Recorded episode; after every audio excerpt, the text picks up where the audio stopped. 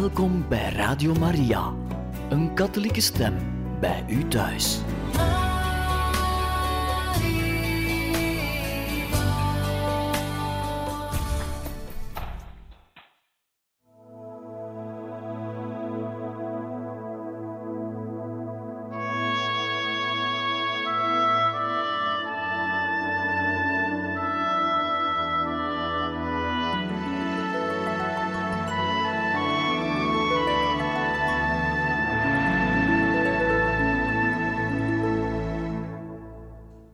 Beste luisteraars van Radio Maria, hartelijk welkom in dit programma Heilige Getuigen, waar wij verder gaan met de lezing van de biografie van Edith Stein, zuster Theresia Benedicta van het Kruis, geschreven door pater Karmeliet Anders Arborelius. We waren gekomen bij hoofdstuk 4, vrouw, bij het onderwerp vrouwelijk en mannelijk. We wensen u een vruchtbare lezing toe.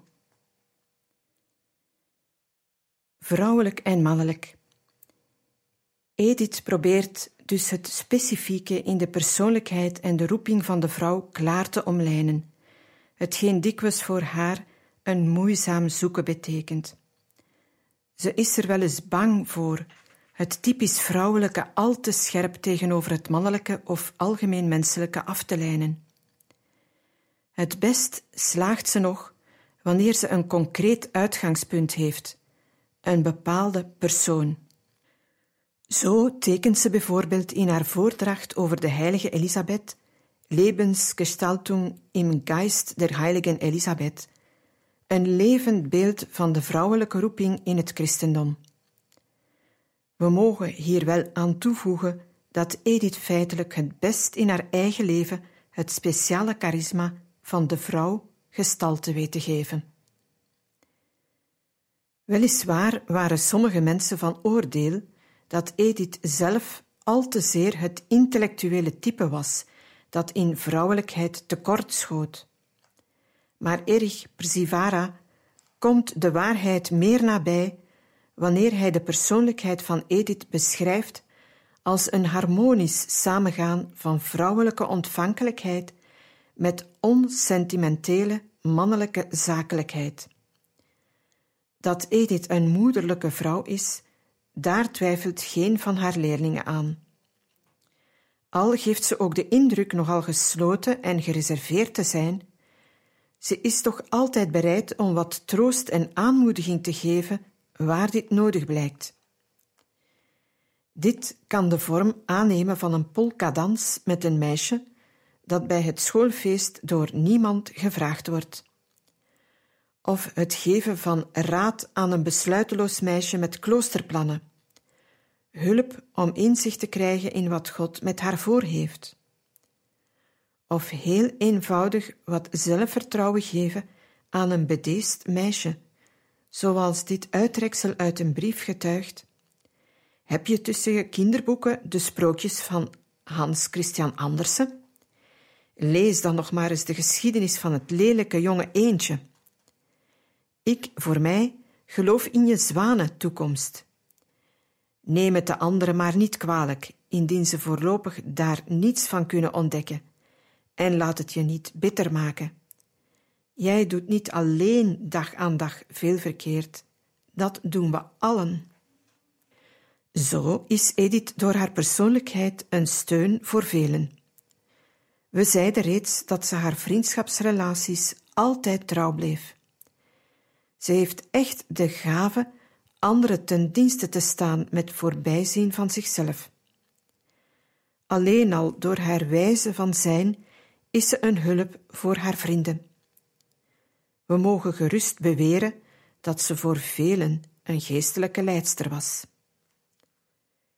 Het ging werkelijk om zulke leiding en vriendschap die uitgaan van de Heilige Geest, wiens werk het is te verenigen, te verzoenen en te helen. Hedwig Conrad Marcius, Edith's trouwe vriendin en meter, was ervan overtuigd dat Edith zelf een geheelde, tot harmonie gekomen persoonlijkheid was. Ze had iets uitgesproken mannelijks over zich Niet dat het haar aan vrouwelijkheid zou ontbroken hebben. Al wie haar gekend of haar portretten gezien heeft, weet dit wel. Maar de andere zijde, die even sterk bij haar naar voren trad, was haar geest van kinderlijkheid. Edith heeft me eens lachend verteld dat ze in een zekere kring een buitengewoon ontwikkeld kind genoemd werd. Ze scheen er zich in te herkennen. Mannelijkheid en kinderlijkheid. Wat ertussen ligt, het eigenlijke psychische, het affectief psychische, waar de schommelingen van de gevoelens plaats hebben, waar de besluiteloosheid en weekheid, de typische vrouwelijke zwakheid en gevoeligheid zetelen, dit alles scheen bij haar ongewoon weinig geprononceerd te zijn. Zo verschijnt Edith als iemand die op geheimzinnige, maar hoogst reële wijze, we mogen hierin de invloed van de genade en de helende werking van de Heilige Geest zien, het typisch vrouwelijke met het mannelijke en kinderlijke verzoend heeft. De minder positieve eigenschappen die Hedwig Conrad Martius niet zonder overdrijving als typisch vrouwelijk laat doorgaan. We spreken misschien beter van de keerzijde van de vrouwelijkheid, zijn weinig of niet bij Edith te vinden. Juist daarom is zij iemand op wie allen, zowel man, vrouw als kind, staat kunnen maken. Zij slaagt erin zelf uit de aandacht te verdwijnen om plaats te maken voor anderen. Iets wat voor elke vorm van vriendschap of geestelijke leiding noodzakelijk is. De keerzijde van de moederlijkheid, een krampachtig zich hechten aan het geliefde wezen, is bij haar volkomen afwezig. Ze geeft anderen ruimte en vrijheid, maar weet hen tevens te overtuigen van haar steeds tot hulp bereide trouw. Zo realiseert ze in haar eigen leven een aspect van de vrouwelijke roeping, dat in feite tot de roeping van iedere mens behoort.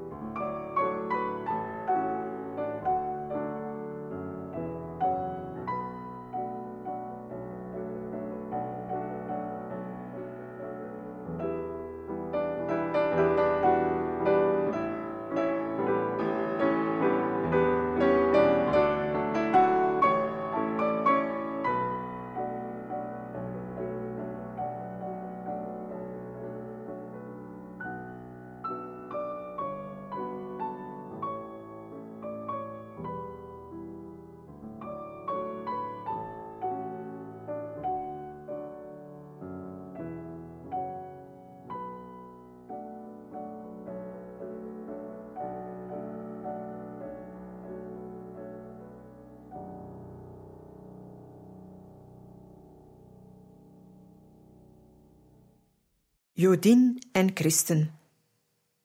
Wanneer we spreken over Edith Stein als geestelijke leidster, moeten we ook melding maken van die mensen aan wie ze met een echte voorkeursliefde haar aandacht wijde. Ik bedoel die groep van Joodse zoekers die gedeeltelijk door haar bemiddeling naar Christus en zijn kerk werden geleid. We zeiden vroeger dat Ediths bekering tot Christus voor haar een nieuwe en eigenlijk de eerste ernstige ontdekking van het Jodendom met zich meebracht. Heel haar leven door is Edith zich van haar toebehoren aan het Joodse volk bewust en ze is er fier over. Maar haar bekering heeft tot gevolg dat ze ook het godsdienstige aspect van haar Joodse erfenis ontdekt. Ze is er blij om tot hetzelfde volk als Jezus en Maria te mogen behoren, zonder hier evenwel al te groot belang aan te hechten. Ze weet immers dat Christus voor alle mensen gekomen is en dat Joden en heidenen één zijn in de ene kerk. Dit inzicht is ook een aanwakkering voor haar om de vele geseculariseerde Joden in het toenmalige Duitsland te helpen. Het aan de gang zijnde assimilatieproces heeft vele Joden, niet het minst in Ediths eigen familie, van hun godsdienst vervreemd. Juist die ontwortelde Joden wil Edith helpen de weg naar Christus te vinden.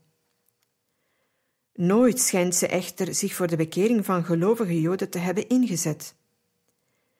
Zij respecteert ten volle hun geloof. Haar eigen moeder beschouwt ze als een model van een diepgelovig mens. En ze correspondeert over geloofsvragen met een nicht die een streng orthodoxe Jodin is.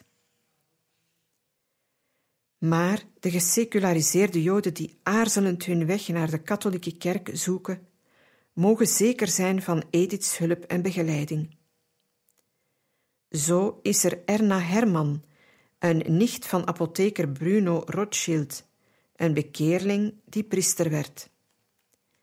Deze Erna stond ook in verbinding met Therese Neumann, de gestigmatiseerde van Connersreuth, en bracht ook eens een contact tussen haar en Edith tot stand. Verder is er haar jeugdvriendin uit Breslau, Catharina Ruben, die zich samen met haar man bekeert, waarop beiden missionarissen worden in Zuid-Afrika. Vervolgens is er Hedwig Hess, die zich ook samen met haar man bekeert. En dan Alice Reis en Ruth Kantorowicz, deze laatste een vriendin van Ediths verwante in Hamburg. Deze twee zullen later Edith volgen op de weg naar het martelaarschap. Het is van belang die kleine groep Joodse christenen in een groter geheel te zien. Juist de jaren tussen de wereldoorlogen waren een tijd waarop heel wat geseculariseerde Joden de weg naar het katholicisme vonden. Het gaat wel niet om grote groepen, maar aan de andere kant zijn er dikwijls markante persoonlijkheden bij. In de kring van de fenomenologen hebben we reeds Max Scheler ontmoet. En stilaan gaan nog andere Joden uit die kring tot het katholicisme over. Onder meer de weduwe van Husserl. Verder is er in Duitsland Alfred Döblin, geneesheer en schrijver van Berlin Alexanderplatz.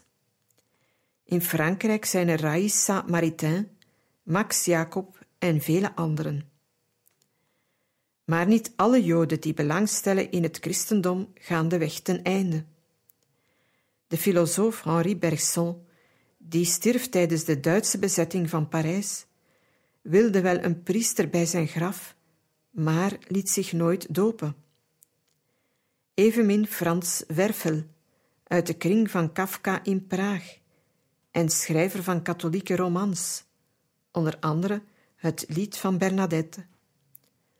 Ook Simone Weil, nochtans doordrongen van katholieke ideeën, trad niet tot de kerk toe.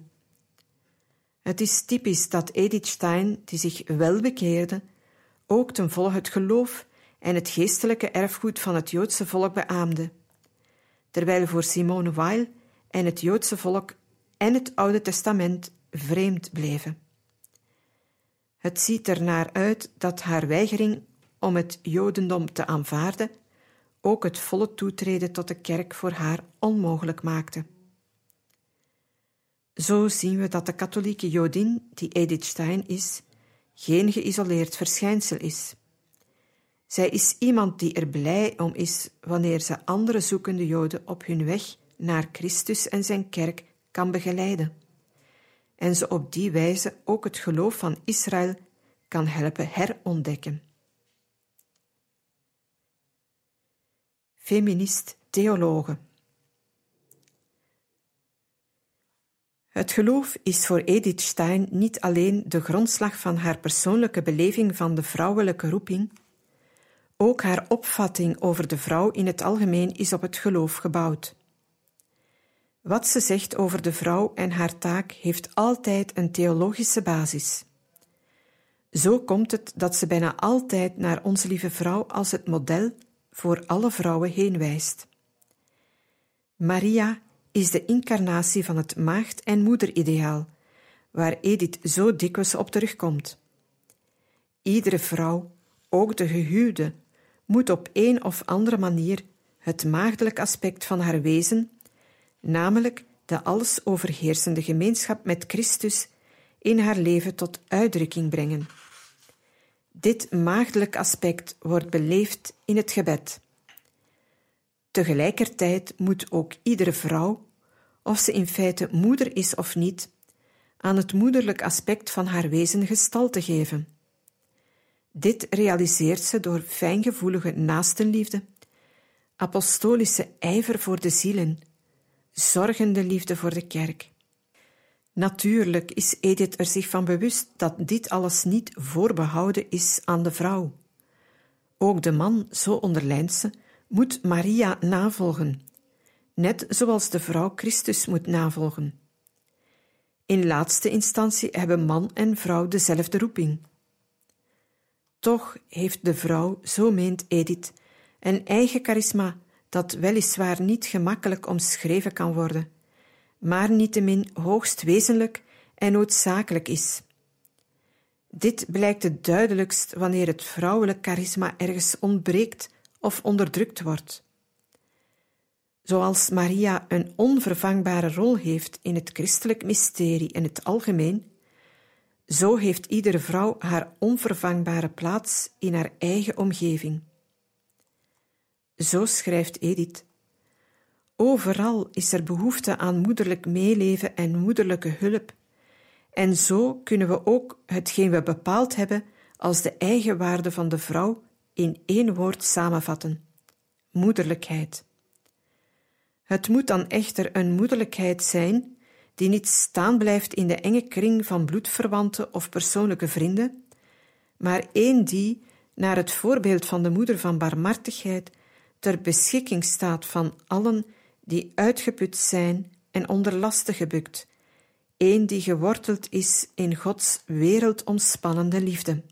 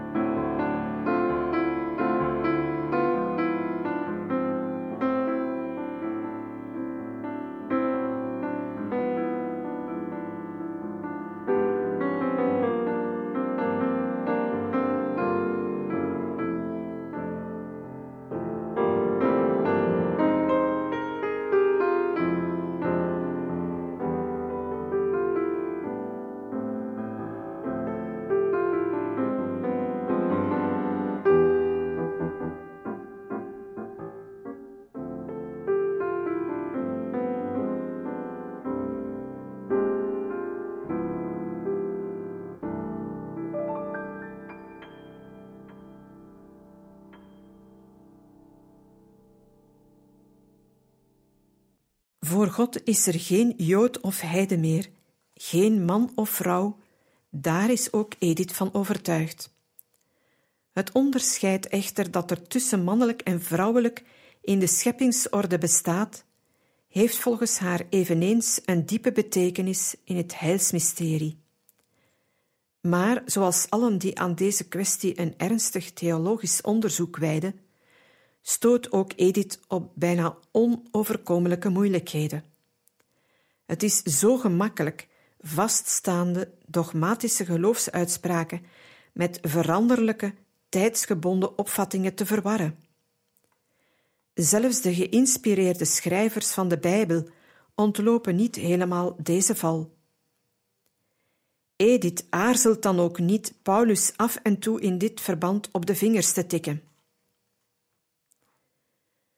Wanneer men zich bezighoudt met de roeping van de vrouw, kan het wel niet anders of men botst op het probleem van het priesterschap van de vrouw. Edith, die voor geen moeilijkheden terugschrikt, geeft ook hierover rustig en kalm haar mening te kennen. Ze onderlijnt dat het nooit dogmatisch bepaald werd dat de vrouw geen priester kan worden. Maar ze voegt er aanstonds aan toe dat heel de traditie en het feit dat God mens werd als man hier tegenin gaat. Toch meent ze dat een ontwikkeling van de vrouwelijke deelname aan het priesterlijk ambt denkbaar zou zijn, vermits dit ambt niet noodzakelijk beperkt hoeft te worden tot het strikte optreden in de naam van Christus.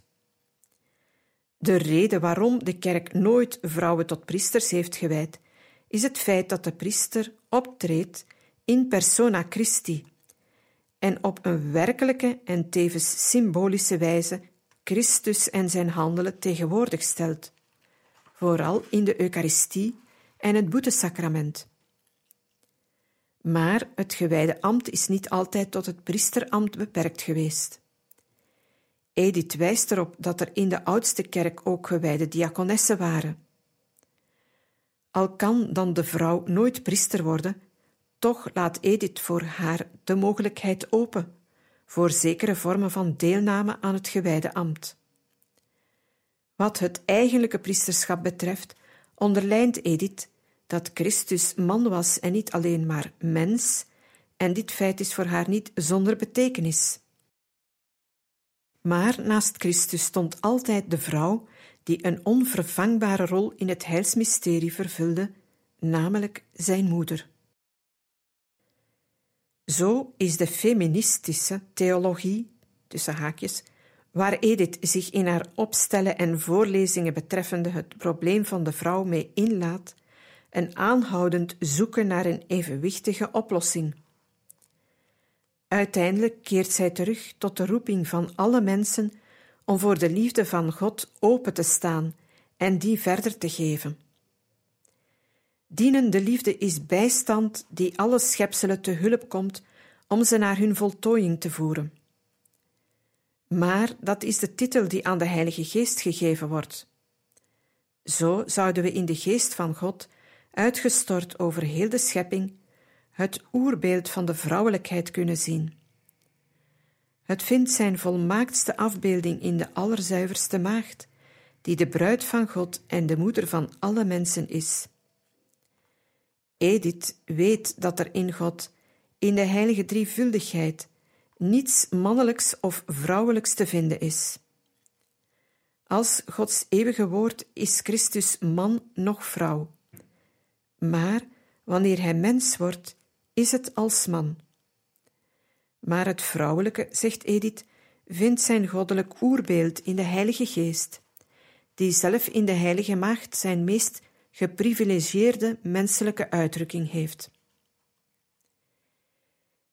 In haar theologische beschouwingen beweegt zich Edith wel op een hoog speculatief niveau, maar ze verliest nooit de concrete werkelijkheid uit het oog.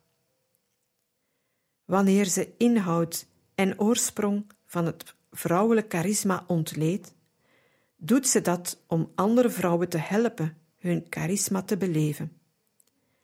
Ze is er immers diep van overtuigd dat de vrouw op het domein van het geloof en feitelijk op alle domeinen een speciale taak heeft. Iets dat door haar gedaan moet worden, opdat niet alles verkeerd zou lopen. Miljoenen kinderen zijn thans zonder thuis en verweest, zelfs indien ze een ouderlijk huis en een moeder hebben. Ze hebben honger naar liefde en zien uit naar een leidende hand die hen uit modder en ellende wil opheffen naar zuiverheid en licht. Hoe zou onze grote moeder, de kerk, dan niet haar armen wijd uitbreiden om deze lievelingen van de Heer aan haar hart te drukken? Maar daartoe heeft ze menselijke armen en menselijke harten nodig, moederlijke armen en moederlijke harten. In naam van de kerk te werken voor de jeugd, speciaal de vrouwelijke jeugd, dat is misschien de grootste taak die er thans in Duitsland te verrichten is.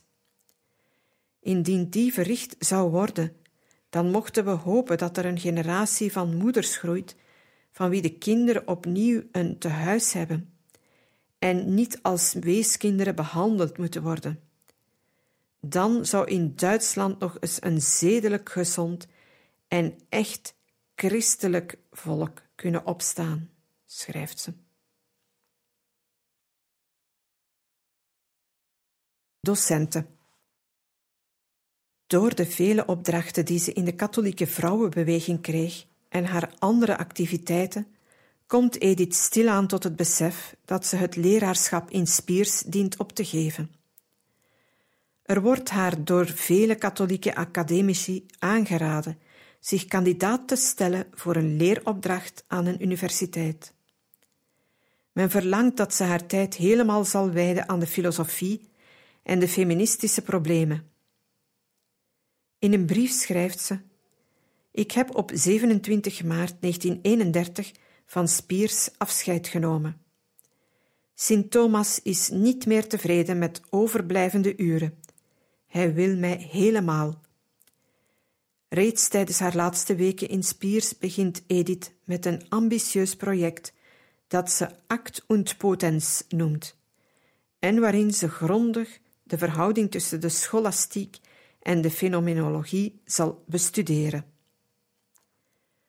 Opnieuw verzoekt Edith haar geestelijke leidsman, Raphaël Walser, te mogen intreden in de Karmel. Hij weigert nogmaals. De kerk heeft haar diensten nog nodig in die moeilijke jaren van spanning en strijd. Edith stelt zich dan kandidaat voor een docentschap aan de universiteiten in Freiburg en Breslau. Maar hoezeer ook de katholieke professoren zich voor haar inspannen, het is vergeefse moeite. Het antisemitisme neemt steeds grotere uitbreiding en staat andermaal een universitaire loopbaan voor haar in de weg. Edith verblijft nu een tijd in Breslau, waar speciaal haar zus Rosa steun nodig heeft. Rosa voelt zich immers tot het christendom aangetrokken, maar om haar moeder te ontzien, ziet ze zich genoodzaakt haar doopsel uit te stellen. Ten slotte wordt Edith een docentschap aan het katholieke Duitse Instituut voor Wetenschappelijke Pedagogiek in Münster aangeboden. Na een nieuwe en zoals gewoonlijk vergeefse vraag aan haar leidsman om in het klooster te treden, aanvaardt Edith dit aanbod en reist in de lente van 1932 naar Münster. Ze is er weldra een graag geziene figuur. In haar onderwijs neemt ze een rechtlijnig katholiek standpunt in. Ze is vol toewijding voor haar studenten, altijd voor hen beschikbaar, ook in haar vrije tijd. Men ziet naar haar op als een voorbeeld. Ze verblijft in het Collegium Marianum, waar eveneens enkele studerende religieuzen wonen. Het valt daar iedereen op hoe eenvoudig en ascetisch de levenswijze is van die bekende filosofen. Een groot deel van haar tijd wijdt ze aan het gebed. Haar eucharistische vroomheid wekt navolging. Maar, ondanks haar cursussen en gebedsuren, heeft ze toch nog altijd tijd over voor haar naaste. In Münster houdt Edith onder andere lezingen over antropologische vraagstukken. Tevens zet ze haar studie van Thomas van Aquino en de neoscholastiek verder. Tijdens een congres in Juvisy bij Parijs over de fenomenologie en het Thomisme krijgt ze heel wat internationale contacten en leert er ook Jacques Maritain kennen. Maar in Duitsland gaat de invloed van het nationaalsocialisme in steeds stijgende lijn. Op plaats waar men het geenszins zou verwacht hebben, vieren het onverzoenlijk nationalisme en de antisemitische tendensen hoogtij. Zelfs het vreedzame Collegium Marianum blijft er niet helemaal van verschoond. Zo woont er een studente die helemaal in de ban is van Hitlers boek Mein Kampf. Edith, anders altijd zo discreet en fijngevoelig, kan moeilijk haar ergernis onderdrukken en zet de kettingrokende jonge dame met de nazistische slogan De Duitse vrouw rookt niet op haar plaats. Zo komt in de zomer van 1933 de machtsovername. Edith ziet voldoende klaar om te weten wat haar en alle Joden te wachten staat. Het duurt ook niet lang vooraleer partijfunctionarissen op het Pedagogisch Instituut drukking uitoefenen om de Joodse docenten te ontslaan. Edith wil de leiding niet aan gevaar blootstellen en trekt zich zelf terug. Zo verliest ze haar leeropdracht, maar is nu eindelijk ook vrij om haar lang gekoesterde droom te verwezenlijken.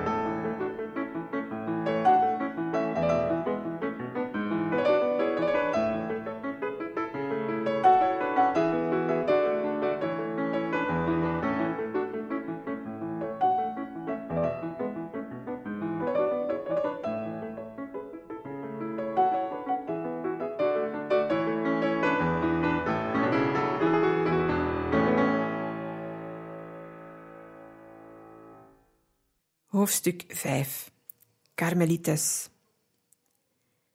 Edith Stein is 42 jaar oud wanneer haar taak in de wereld voltooid is.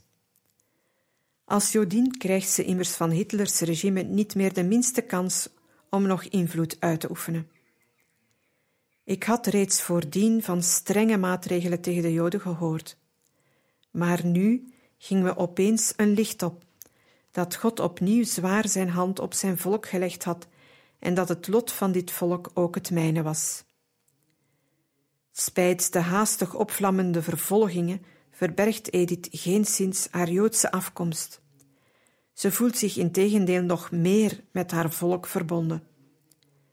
Later zegt ze tot een Jezuïet: U heeft er geen vermoeden van wat het voor mij betekent een dochter te zijn van het uitverkoren volk met Christus niet alleen geestelijk, maar ook door de band van het bloed verenigd te zijn. Edith voelt nu de tijd gekomen om eindelijk naar de Karmel te mogen gaan. Maar eerst wil ze nog iets voor haar volk in nood ondernemen. Ze reist naar Beuron om er haar geestelijke leider Valser te raadplegen.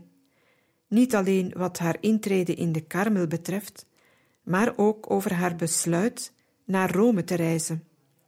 Ze wil er Paus Pius XI in een particuliere audiëntie verzoeken, een encycliek tegen de Jodenvervolging uit te vaardigen. Op de weg naar Beuron maakt ze de 6 april halt in Keulen, waar ze samen met een van haar Joodse doopkandidaten in de kapel van de Karmel deelneemt aan een heilig uur, ter gelegenheid van het jaar van de verlossing. Edith vertelt hierover. Een priester hield een toespraak en kondigde aan dat voortaan dit gebedsuur daar elke donderdag zou plaatsvinden. Hij sprak mooi en aangrijpend, maar mij hield iets anders bezig dat dieper was dan zijn woorden. Ik sprak met de heiland en zei hem te weten dat het zijn kruis was dat nu op het Joodse volk gelegd werd. Dat de meesten dit niet begrepen, maar dat degenen die het wel begrepen, het in naam van allen bereidwillig moesten opnemen. Dat ik dit wilde doen, hij hoefde me maar te tonen hoe. Als de plechtigheid ten einde was, had ik de innerlijke zekerheid verhoord te zijn. Maar waarin dat kruisdragen zou bestaan, wist ik nog niet. Zo voorvoelt Edith op profetische wijze dat haar verbondenheid met Christus en het Joodse volk haar ook zal doen delen in het kruis van Christus en dat van de Joden. De volgende morgen reist Edith door naar Beuron. Wanneer ze te horen krijgt dat ze niet op een particuliere audiëntie in Rome mag rekenen, wegens de grote toeloop van volk, deelt ze haar verzoek schriftelijk aan de paus mee. Ik weet dat mijn brief verzegeld aan de Heilige Vader overhandigd is. Ik heb ook een tijdje daarna zijn zegen voor mij en mijn verwanten ontvangen. Iets anders is er niet uit voortgekomen. Later heb ik me echter dikwijls afgevraagd of hij niet herhaaldelijk aan deze brief heeft moeten denken. Het is immers de volgende jaren stap voor stap in vervulling gegaan, wat ik toen over de toekomst van de katholieken in Duitsland voorspelde. Pius XI vermoedt nog niet hoe ernstig de toestand voor de Duitse Joden al is en dat spoedig de katholieken aan de beurt zullen komen. Wanneer zijn encycliek met brennender zorgen uitkomt, is het al bijna te laat. Ook Raphaël Walzer gelooft niet dat de situatie zo ernstig is en wil Edith nog in de wereld houden. Wat later krijgt Edith een aanbod om te gaan doseren in Zuid-Amerika. Maar dan was reeds een andere weg voor haar uitgetekend. Zou mijn moeder me niet liever in een klooster in Duitsland zien dan in een school in Zuid-Amerika? De 30 april, het was de zondag van de Goede Herder, werd in de Lutgeruskerk het feest van de heilige Lutgerus met het dertien uren gebed gevierd. In de late namiddag ging ik erheen en zei bij mezelf: Ik ga hier niet weg voor ik beslist weet of ik nu naar de karmel mag gaan. Als op het einde de zegen gegeven werd, had ik het jawoord van de goede herder. Aldus werden twee kerkbezoeken tijdens de aprilmaand beslissend voor Ediths toekomst. God bekrachtigde haar roeping tot de karmelorde en verlichtte haar omtrent haar persoonlijke roeping voor het Joodse volk. Nu kan zelfs aartsabt Valser niet langer zijn toestemming weigeren en Edith neemt contact op met de karmel van Keulen-Lindentaal. Bij haar eerste bezoek al daar vertelt ze over zichzelf. Ik beschouw de als het voorportaal van de hemel, maar dacht er nooit aan Benedictines te worden, Altijd kwam het me voor alsof de Heer voor mij in de karmel iets had weggelegd, dat ik alleen daar zou kunnen vinden. Dat maakte indruk. Bij een volgend bezoek wordt Edith aan de communiteit voorgesteld. Ten slotte moest ik een liedje zingen. Men had het me reeds de dag tevoren aangekondigd, maar ik hield het voor een grap. Ik zong Zegen Maria, nogal schuchter en stil. Naderhand zei ik dat dit me moeilijker gevallen was dan voor duizend mensen te spreken. Edith vreesde dat er afgezien nog van haar zwakke zangstem heel wat bezwaren tegen haar roeping bestonden. Leeftijd, Joodse afkomst en het ontbreken van een bruidschat. Maar niets van dit alles bleek een hinderpaal te zijn, en ze werd als kandidaat-postulante aanvaard. Beste luisteraars, we beëindigen hier voor vandaag deze lezing uit de biografie van Edith Stein, zuster Benedicta Theresia van het Kruis, geschreven door pater Carmeliet Anders Arbolelius. En we gaan volgende keer verder met hoofdstuk 5, Carmelites. We hopen dat deze lezing u gesticht heeft en wensen u nog een gezegende avond toe. En tot volgende keer.